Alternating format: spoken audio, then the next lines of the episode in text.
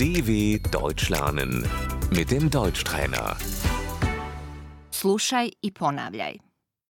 Izvini, možeš li mi pomoći? Entschuldigung, kannst du mir helfen?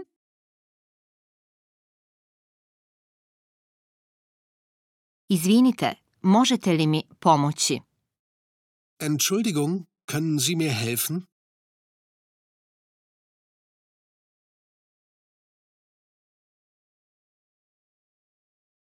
Da, naravno.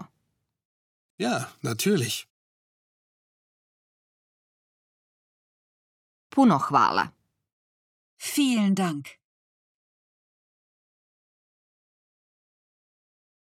Imam pitanje. Ich habe eine Frage. Znate li gdje je to? Wissen Sie, wo das ist? Nažalost, ne. Leider nicht. Ne govorim njemački. Ich spreche kein Deutsch.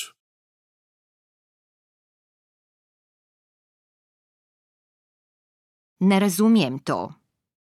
Ich verstehe das nicht.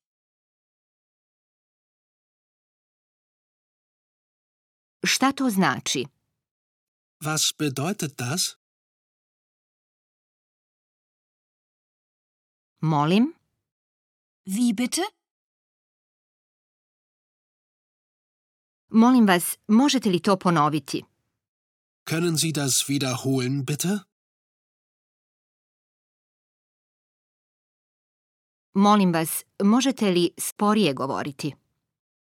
Können Sie bitte langsamer sprechen?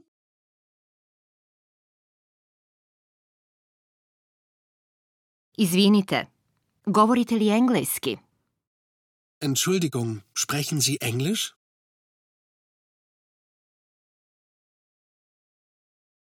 Izvinite, gdje je šalter za informacije? Entschuldigung, wo ist die Information?